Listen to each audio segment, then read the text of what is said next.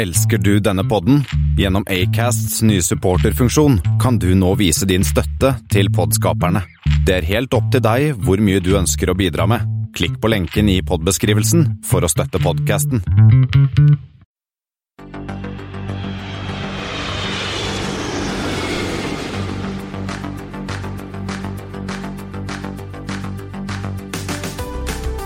Hei og velkommen om bord til Flight 51. I dag har det blitt 11. februar, og vi sitter her hver for oss for å få logistikken til å gå opp. Undertegnede Espen S sitter trygt plassert på Hvalstad, og litt lenger ut i Asker har vi med oss Christian Kamhaug. Hallo! Mens på den andre siden av fjellet, i nærmere bestemt Rosendal i Kvinnherad kommune, sitter Thomas Lone. Hei, hei. Hvor er Rosendal, eh, Thomas? Eh, For de av våre lyttere som kanskje har hørt om baroniet i Rosendal, så ligger det inne i Hardanger. Eh, Det er en isbre som er kalt Folgefonna, som er mellom Rosendal og Odda. Så det går en tunnel under, så cirka der. Så du får ikke Fonna-fly, altså? Det burde jeg gjort fra Drammensfjorden og til hit. Kunne jeg bare landa ute i sjøhavna her. Men eh, det ble eh, fly til Bergen og bil i dag.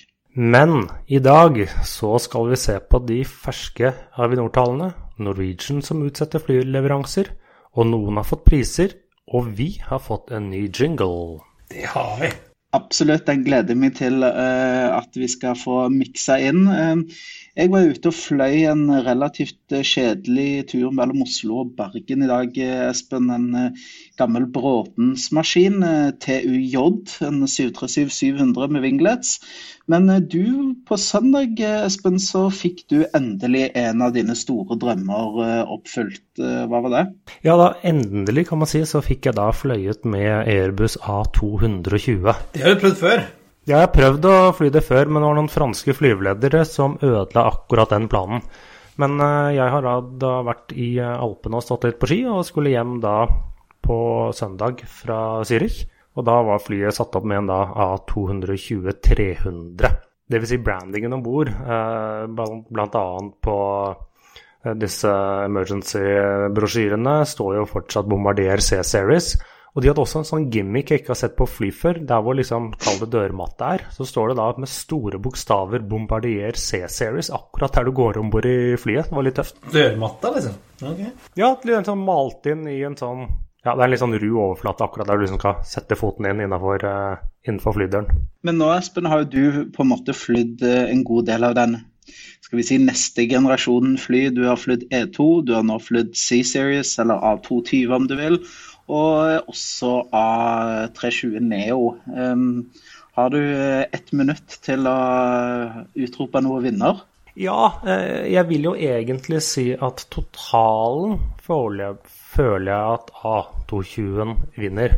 Eh, Det er noen fordeler og ulemper med begge. Du kan si Skal man trekke ned noe på A220-en, er at den, jeg føler at den bråker litt mer enn Neon og da Eton, som har litt sånn Motoren er ikke helt like, men det er i praksis samme motor. Eh, noen, slik jeg har klart å lese meg fram til, er rett og slett aircondition som støyer mer, sånn at den er da et knepp eh, mer bråkete, men fortsatt mer stille enn en gammel 737. Eh, men det er jo da denne to pluss tre-konfigurasjonen som er egentlig både praktisk og veldig romslig. Eh, Det er store eh, bagasjehyller. Og for jeg da, var, eh, jeg fløy alene med sønnen min, sånn at vi var to stykker, og da han, han toseter er jo da glimrende å, å ha. Og flyet var nesten fullt, men det, det følte at det var god plass til både håndbagasje og, og passasjerer. Nå kommer jo liksom benplassen litt an på hvem som opererer den, men Swiss har jo puttet inn 145 seter i disse flyene, som er eh, relativt mye, og du skulle tro det var ganske trangt. Nå kan nok eh, det variere litt om bord i flyet hvor du sitter. Jeg satt på rad 8, men der var det egentlig veldig god benplass. og god plass eh, generelt, og langt bedre enn da Widerøe-flyene. Widerøe sine E2-fly som ikke akkurat har noen danseplass eh, om bord. Eh, og så har de også en ny Jeg vet ikke helt hva setet heter, men det er fra denne produsenten som heter Sim. Sim Flugsitze eller noe sånt noe. Og akkurat den Det er litt sånn kule, futuristiske seter. De ser litt mer sånn moderne ut og litt annerledes ut enn disse klassiske eh, klassiske setene du ser på andre steder, eller disse Recaro-setene og sånne ting. De har liksom en sånn litt annen touch som gjør de, eh, gjør de litt lek lek lekrere. Ja, men åssen var vinduene? For det har jeg hørt at det skal være innmari store og fine. Eh, ja, de var, de var nok hakket større. Eh, men ikke minst så er de mer riktig plassert. Det er jo spesielt 737-en. Og for ikke å snakke om disse CRJ 200-variantene. De har jo vinduene så veldig langt nede at det er liksom sånn helt håpløst å og bare skal se ut og få lys. Du føler du sitter med omtrent vinduet på hofta. Men her så var det Det var sånn merkbart større vinduer, men også det at de er plassert høyt oppe. Så det ga liksom et uh, flott uh, utsyn. Ja, så en bra, en bra maskin, da, med andre ord. Absolutt. Det er en uh, absolutt maskin man kan anbefale, hvis, jeg, hvis, man kan si det på den måten. Vi blir sånn consumer podcast for de som kjøper en fly A220. Det gir vi tommel opp. Men, men, vi må videre. Og jeg har uh, litt, uh, gjort litt research på Flight 51. Og dette, Den første eksempelet jeg vil trekke fram, er jo uh, kanskje en rute som mange mener burde gått fra Norge. er det jo en del som har ment at den har bør, og det er selvfølgelig Singapore Airlines SQ51, som går fra Houston, tar en mellomlanding i Manchester, har Fifth Freedom-flighter, som man kan fly mellom Manchester og Houston. Eh, og så videre til Singapore. Og mange sier jo at eh, denne ruta burde jo selvfølgelig ikke gått innom Manchester, men Oslo ville jo vært et mye bedre markedsgrunnlag for den ruta. Eh, så det, så det, er litt morsomt. Eh, vi snakka jo om Fifth Freedom Flighter i flight 38, og der eh, ble vel denne ruta også nevnt. Den flys med en A350-900, som er jo en av de flotteste maskinene der ute. Ah, den, særlig den her, jeg, jeg, tror jeg har sagt det før, Thomas, med den vinglettene på 350-en. Mm, det, er, altså, det er kunst. Det er ingeniørkunst på høyeste nivå. Så vil jeg bare trekke fram to kanskje litt eh, triste flighter. Aeroflot 51, eh, som gikk mellom Riga og Liepia. Eh, begge Det var en, en, en innenriksrute i Latvia, faktisk. tilbake på slutten av 60-tallet. Det var vel til og med Sovjetunionen den gangen? Ja, det var vel strengt tatt det. Det var den latviske sovjetrepublikken, var det vel det het da? Ja. Back in the day. Så 30.12.1967 eh, så var det en Antonov 24 som var ute og flaksa med 46 passasjerer og et crew på hele fem stykker. De kom inn til Liepia eh, for høyt, for fort. Eh, pilotene de prøvde å rette opp dette og kompensere, men det ble bare verre. Og eh, alle utenom eh, åtte stykker omkom. Og dette var eh, menneskelig feil, da, er det kommet fram til. Og så har du eh, Air Cargo eh, ACE, Air Cargo 51, som går mellom Anchorage, eh, King Solomon og Dillingham, Alaska. Og der, eh, faktisk ikke lenger tilbake enn seks år siden, så var det en Beach 1900 eh, med en besetning på to stykker, eh, som, som, den 8. mars da, i, i 2013 eh, gjorde en kontrollert flight into terrain. altså Det var ikke noe altså Piloten hadde full kontroll over flyet, men de hadde bare ikke kontroll på hvor de var i forhold til terrenget. Det der er jo en, eh, er jo en klassisk uh, ulykkesårsak, den CFIT, Controlled Flight into Terrain, hvor uh, av en eller annen grunn så får de rett inn i bakken. altså.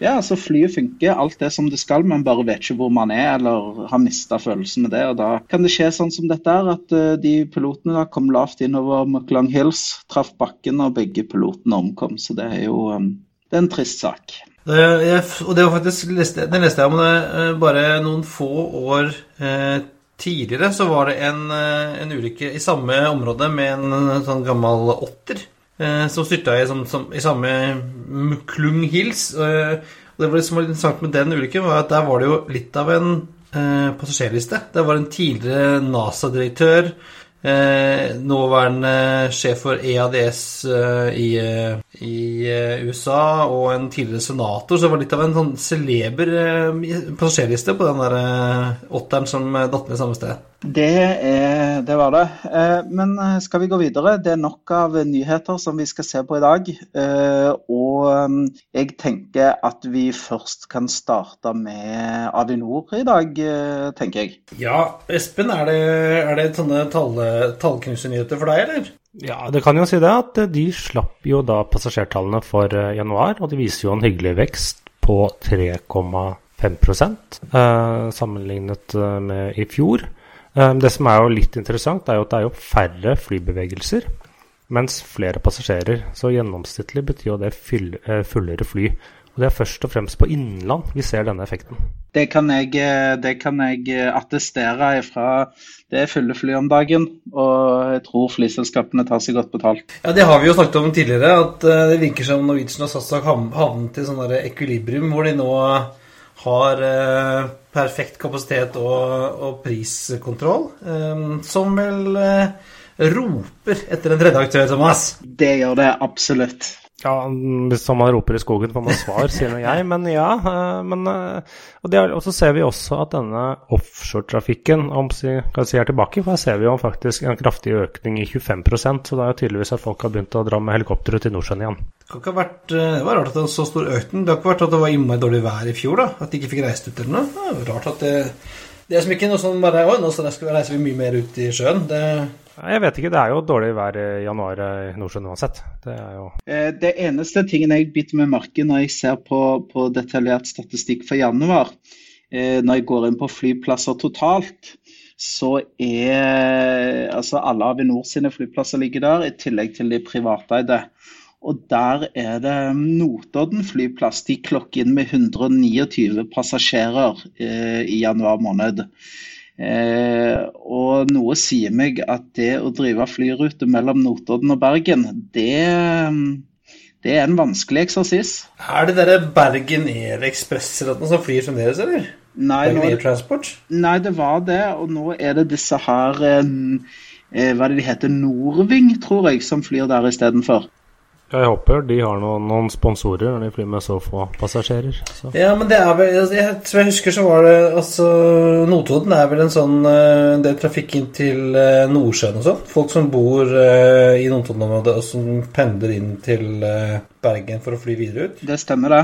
Det var 120, 120 av dem. Altså. Jo, men det, altså, det, det er jo Air, Airwing, heter det vel. Airwing, de ja. Og de er jo hva for noe? De er en sånn King Air med ti plasser eller noe, så det er jo det blir ikke mange runder rundt det, da, men uh, tydeligvis nok da, til å holde liv i den flyplassen der. Ja, så tenker jeg det at det er kanskje januar litt slow start uh, sånn, så vi får følge med når februartallene kommer og se om det har tatt seg opp. Um, og så er det jo eh, Nei, så det er jo ikke de store tallene. Honningsvåg har hatt en god økning av alle ting.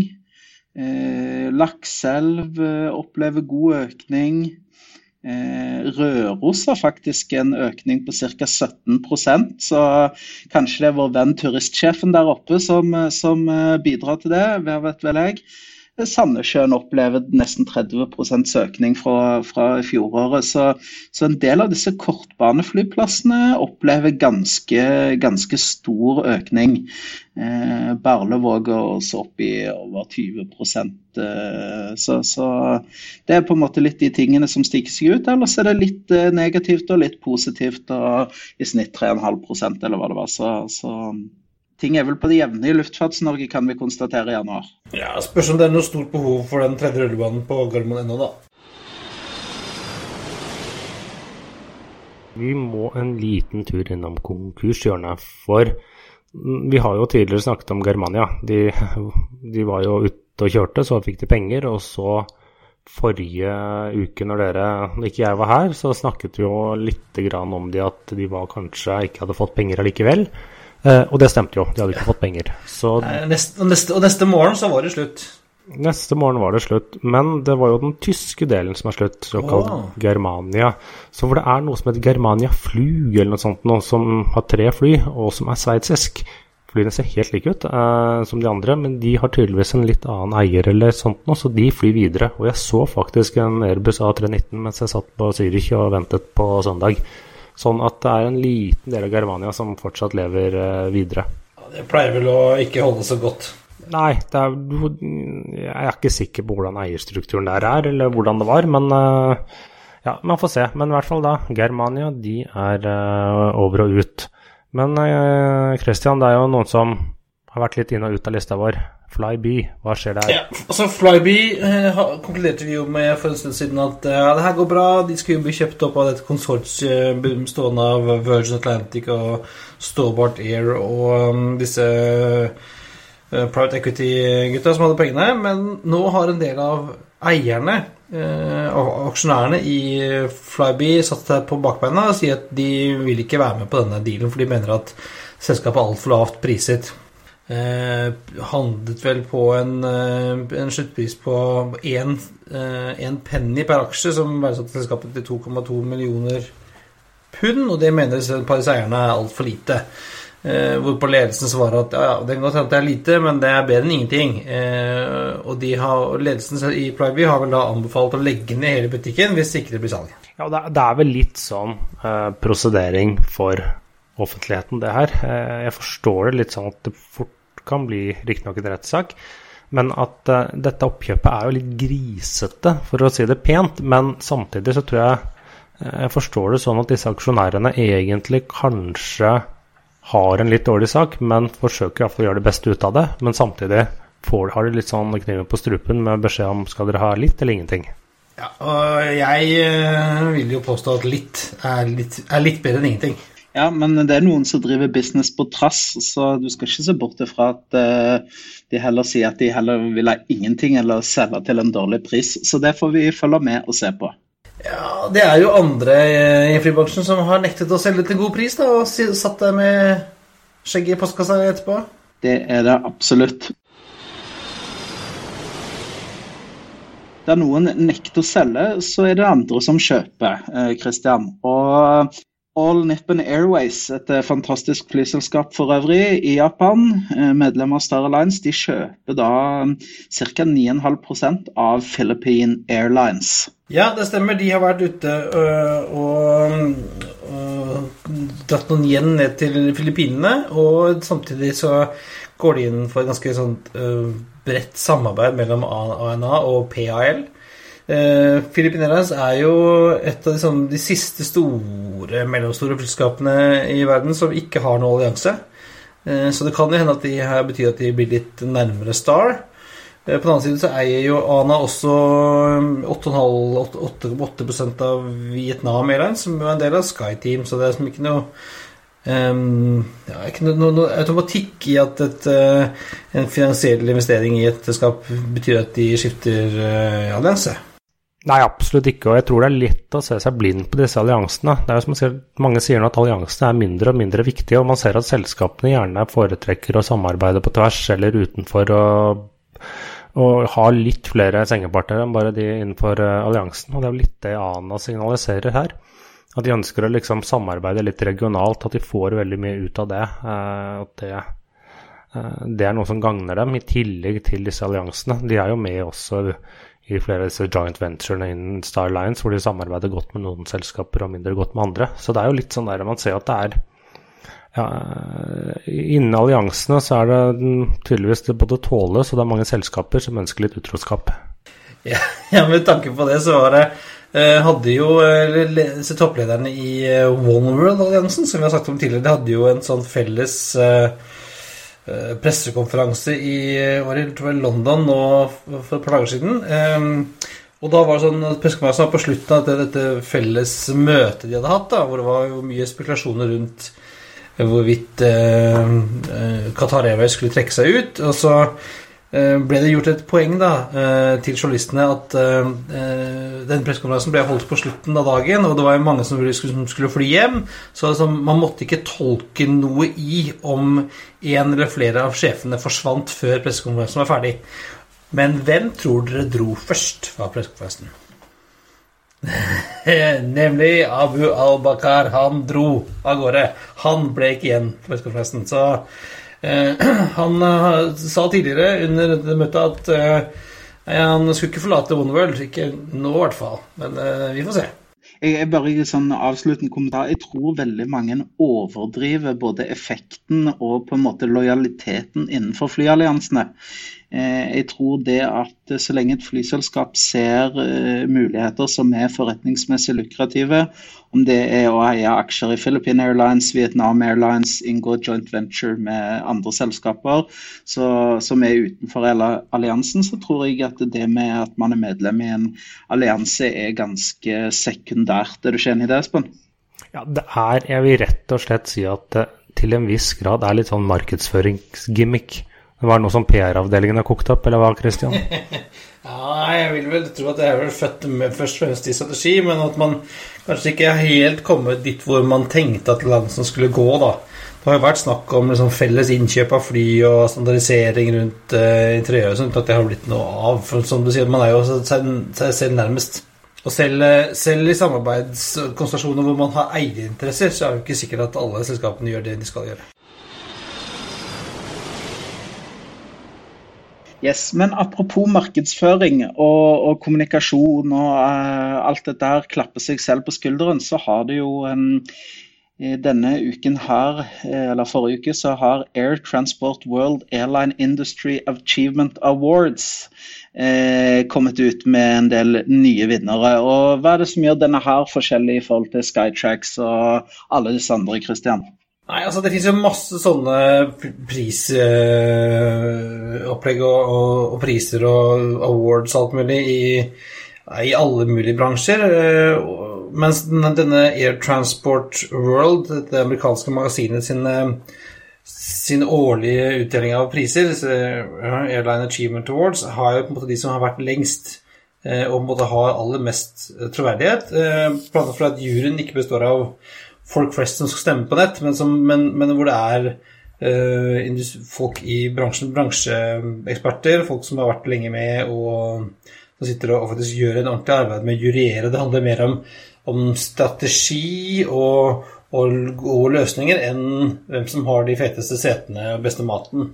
Ja, for jeg, jeg føler jo en del av disse konkurransene, spesielt som sagt de som stemmes fram offentlig, det handler jo ikke om hvilket selskap eller bonusprogram eller hva det måtte være som er best. Det handler om hvem som har vært flinkest til å få sine såkalte fans til å stemme på Facebook eller et eller annet rart. Det blir jo litt kunstig for min del. Ja, altså når du har selskaper som Alaska Airlines som er anerkjent til å være veldig, veldig gode, men de kan jo som ikke stå imot markedskraften til eh, Emirates eller eh, Qatar, liksom, så det blir litt sånn ja, litt bob-bob, da. Det er vel kanskje derfor man har så veldig mange kåringer. Jeg føler liksom at det er litt sånn ja, eh, selvsagt så vinner jo videre kåringen for beste innenriksselskap på Torp. Så det er jo litt sånn ja.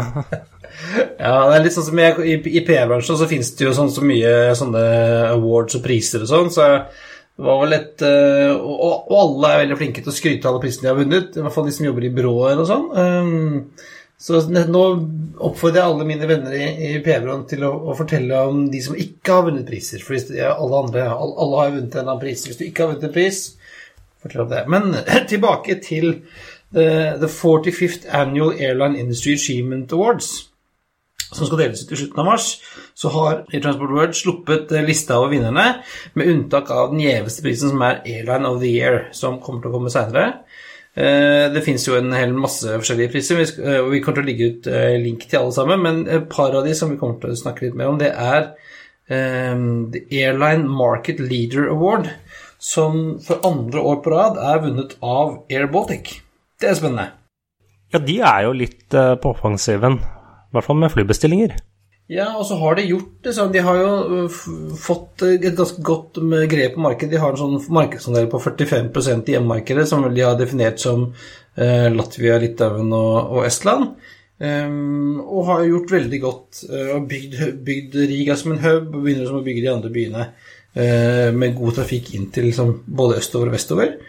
Uh, og så så jeg et intervju med han toppsjefen som ikke så navn på i helgen, og han sa jo nå at um, de har vel fått eller skal få til sammen 50 Airbus A220. Eh, og alle de, sier han, skal eh, puttes i Baltikum, i hjemmemarkedet. Eh, så det har vært snakk om at de skal etablere baser andre steder, men sier at disse skal brukes i hjemmemarkedet. Men så sier han også, som jeg tolker det, at det vil si at skal de ekspandere, så må de et annet sted. For 50, ja, for de planlegger å kjøpe 30 maskiner til. Ja, og de eh, sier han 50 er som det som markedet kan, hjemmemarkedet kan tåle. Det vil si at de 30 de må et annet sted. Ja, og det ser vi jo nå allerede til uh, sommeren. For jeg så nå Lufthansa de skal leie en eller to maskiner fra Air Baltic og fly noen ruter for dem ut fra München. Så flyr man via München i sommer, så kan det jo være at uh, du booker billetter med Lufthansa, men uh, får et Air Baltic-fly. Får jeg håpe at de får en A220, da, ikke en Q400. Ja, det er A220 de har, har wetleasa til Lufthansa. Og de, jeg, nå har jeg ikke prøvd Air Baltic sine, men jeg tror at de kanskje er mer komfortable enn de aller eldste 320-ene til Lufthansa, som begynner å bli litt lange i maska. Ja, vi kan jo krysse fingrene Thomas, og håpe at disse, noen av disse nye A220-ene de har bestilt, skal komme inn på norsk innenriks. Det kan vi jo f.eks. gjøre. Men eh, Norge er jo ikke et uh, helt usannsynlig marked for Baltic, vil jeg tro. Nei, det er nært i geografi og, og sånn, så hvorfor ikke? Um, men uh, vi kan jo også snakke litt om uh, Airbus A220 igjen. Det blir mye 220-prat i dag. for de stakk jo også av med en pris. I hvilken kategori da? De fikk Aviation Technology Achievement Award. Det er jo fine, fine titler på disse prisene. Um, og jo, Vi kan jo være enig i det. Både nå har Espen testa det, og vi har snakket mye om A220 gjennom flypoden også, fordi at det har jo et fly som har vist seg til å være veldig, veldig bra. Ja, det har jo eh, nevnte Baltic har jo vært ute offentlig og skrutt flyet opp i skyene. Eh, det gyter jo mye bedre enn forventa. Eh, lavere fuelforbruk enn det man hadde budsjettert med. Så ja, hvis det et fly skal få denne prisen her, så tenker jeg at eh, det er jo ganske greit å gi den til Airbus A220 i hvert fall. Ja, og vi så nå det samme for Delta, satte jo oss inn i trafikk i slutten av forrige uke. Litt forsinket pga. the shutdown, men endelig så var de Litt forsinket, ja. Og de fikk jo veldig bra skryt av av de passasjerene. Eller det var jo selvsagt det var en haug med bloggere og sånne folk som driver med podkast der borte. Uh, tullinger. Uh, som var med på det. og de fikk jo ja, voldsomt skryt både av komforten og gimmicken. Og det var også en sånn liten sak var at de har jo installert sånn inflight entertainment i disse flyene. De skal jo gå fly og relativt langt for dem, selv om det er et hva skal jeg si, relativt lite fly. Men det som var nytt her, var at den var trådløs. Eh, kontra den vanlige hva skal jeg si, ledningen av boksen man er kjent, på, kjent med fra andre flyselskaper. Slik at de da sparte var det en halv ja, Nå husker jeg ikke om det var halv kilo eller et halvt pund per sete. Det er jo ikke så veldig mye, men uh, legger opp uh, nok seter, så blir jo det litt totalt for hele flåten.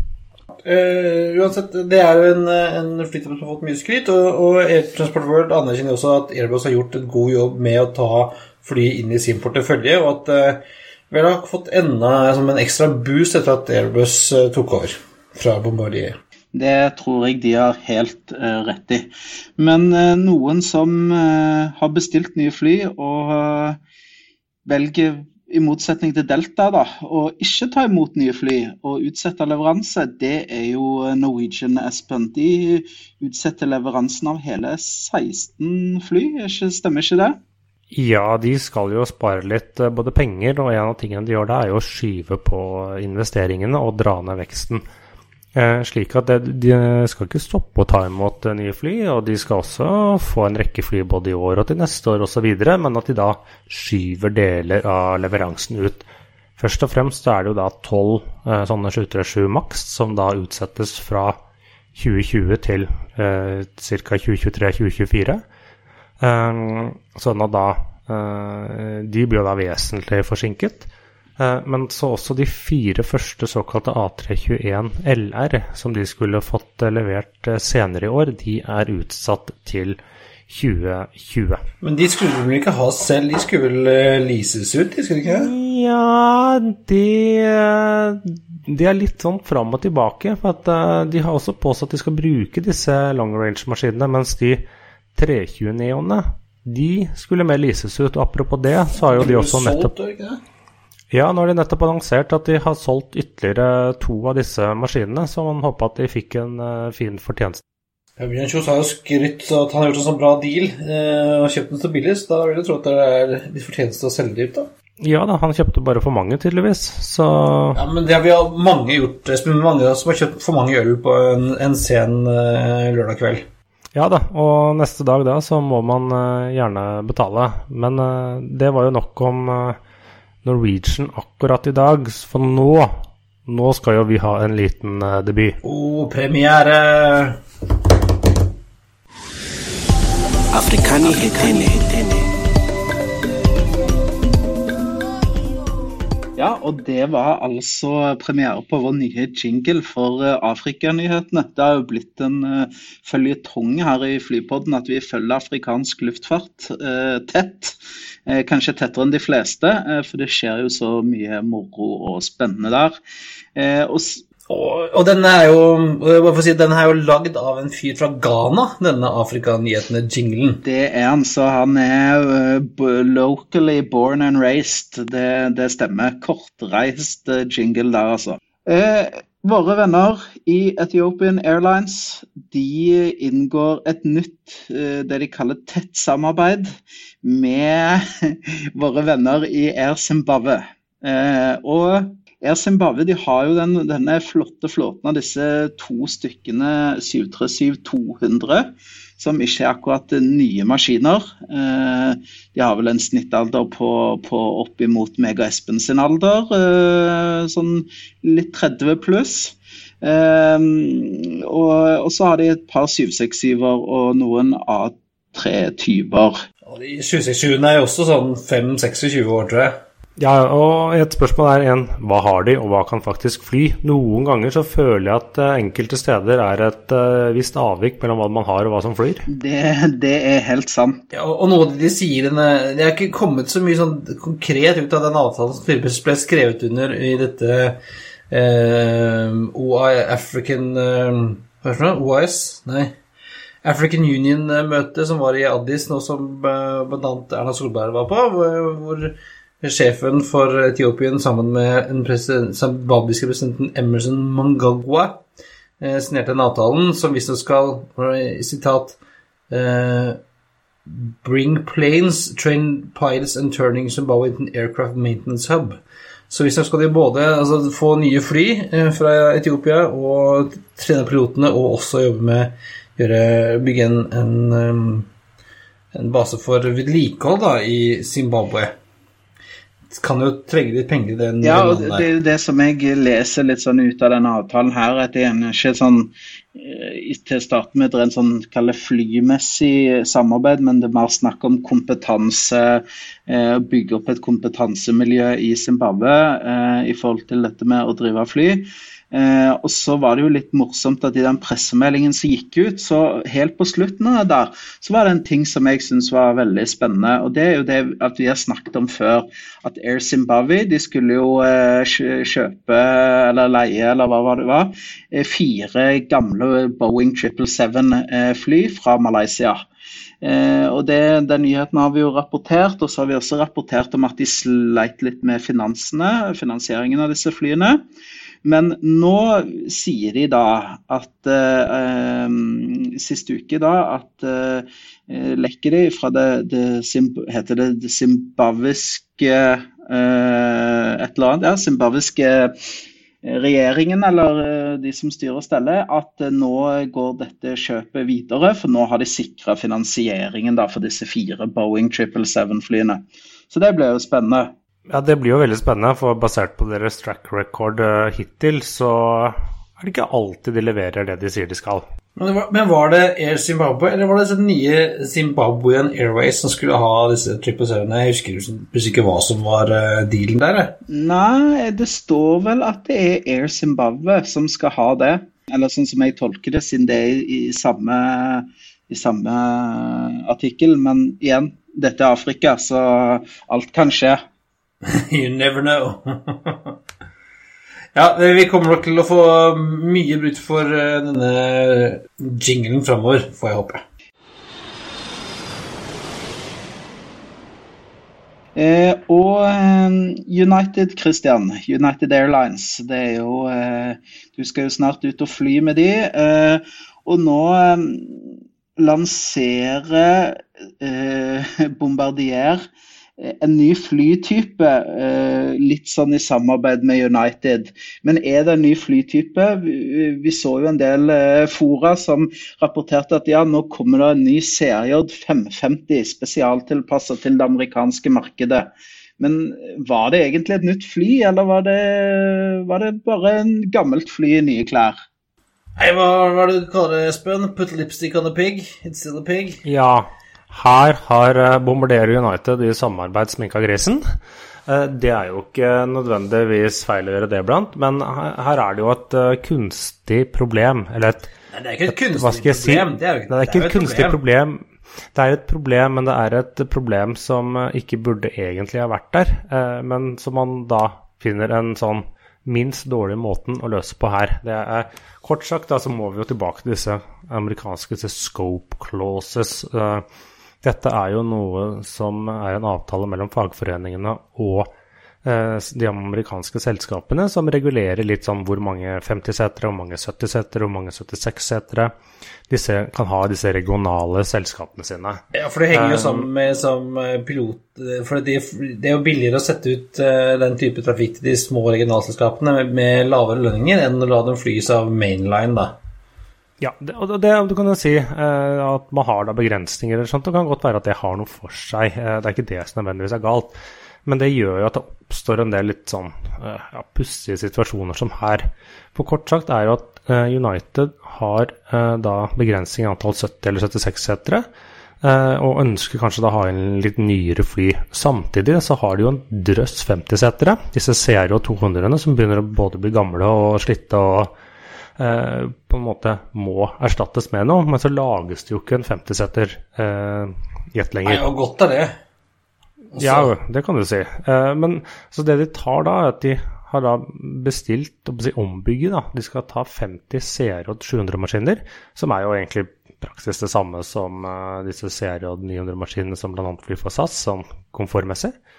Eh, og ut, lage de om, sertifisere de om til en 50-seter. Ja, for det er det som For det holder ikke bare med å rive ut uh, eh, 20 seter. De må jo også faktisk da omsertifisere det, skape en ny flytype. fordi at selv om du tar ut setene, så er jo flyet fremdeles sertifisert til samme takeoff-vekt. Og det er jo der også noen av disse begrensningene i Scopclausen ligger. Du kan ikke ha fly over en viss vekt.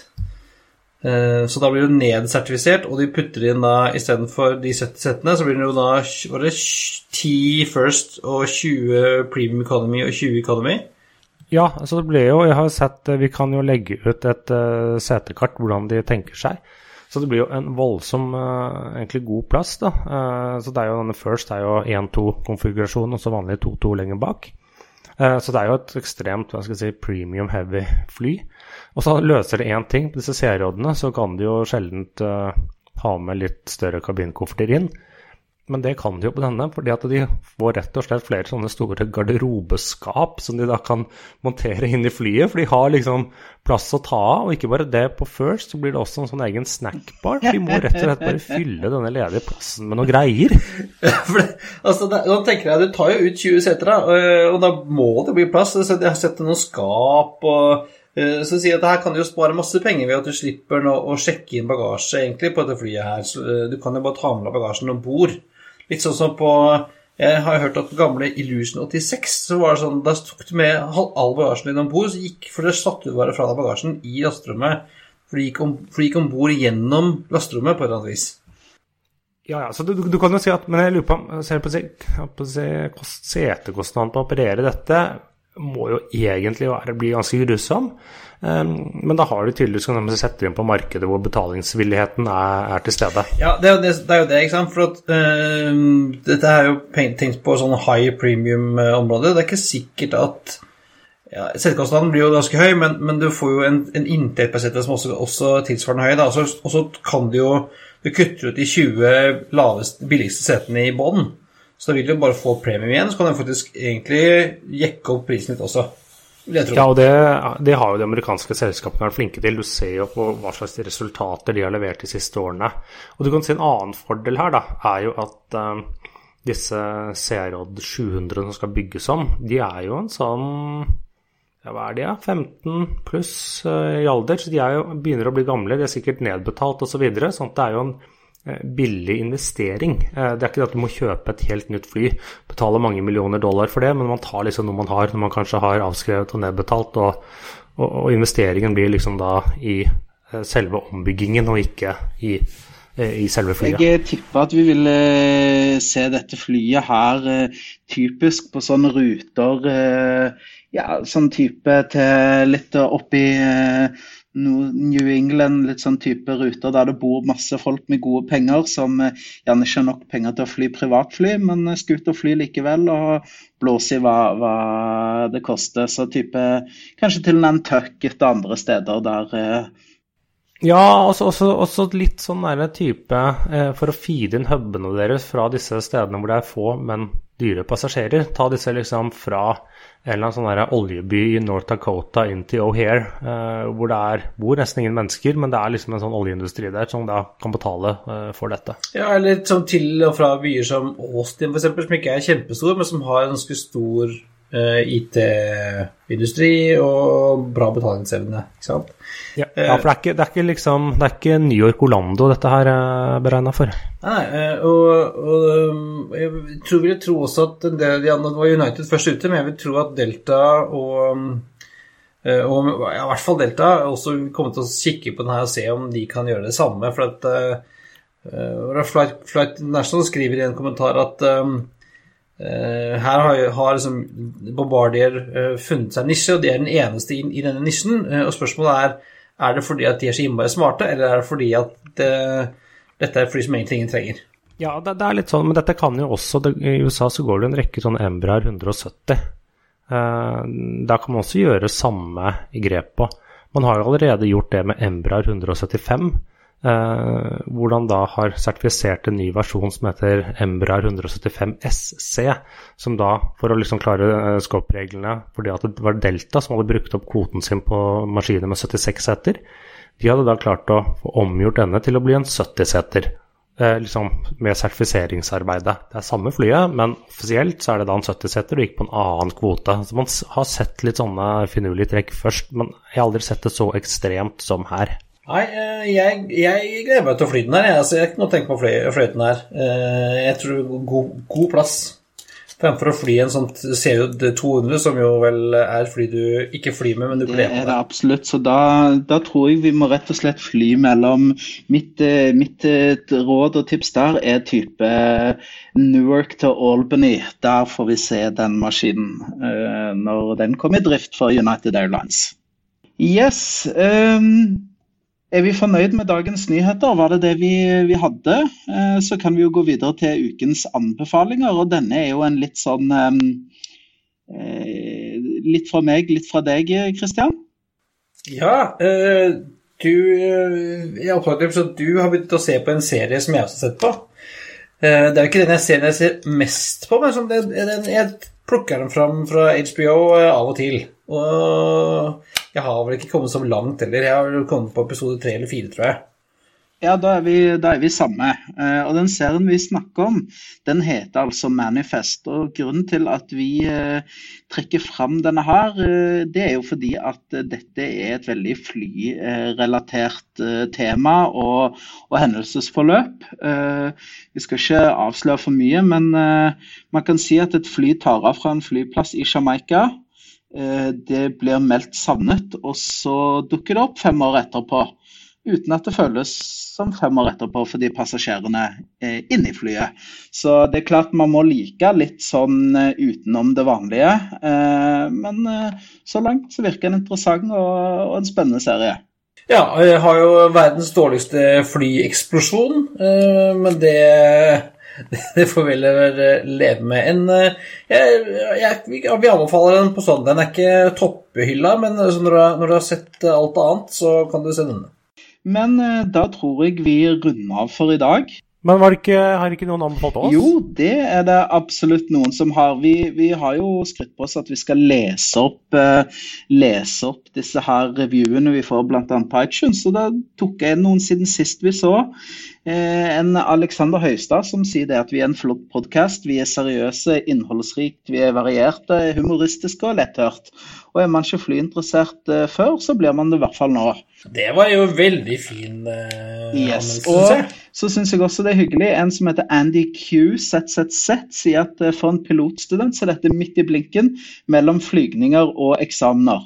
Luftfart pakka inn i en enkel og munter måte som ikke blir slitsom å høre på. Anbefales på det sterkeste til alle som har et snev av interesse for fly og det som følger med. Så det var jo to veldig flotte tilbakemeldinger, Kristian. Eh, ja, og da får jeg si at dette var alt for denne gang. Det er på tide å feste sikkerhetsbeltene, rette opp eh, setet og sikre fri sikt utfor vinduet ettersom Flight 51 nå går inn for landing i snøføyka. Som vanlig finner du linker til det vi snakket om i dag på freepodden.no. Du finner oss også på facebook.com slash freepodden, på Twitter at freepodden, på Instagram at freepodden. Det er lenge siden vi har gjort noe. Eh, og har du et spørsmål, eh, vil du invitere oss på flytur, vil du sponse oss eller eh, ja, kjefte på oss, så er det bare å sende oss en mail på hallo at freepodden.no. Tudelu. Ha det! Hei, hei. We thank you for flying with us today. We truly appreciate your business and look forward to serving you on a future flight.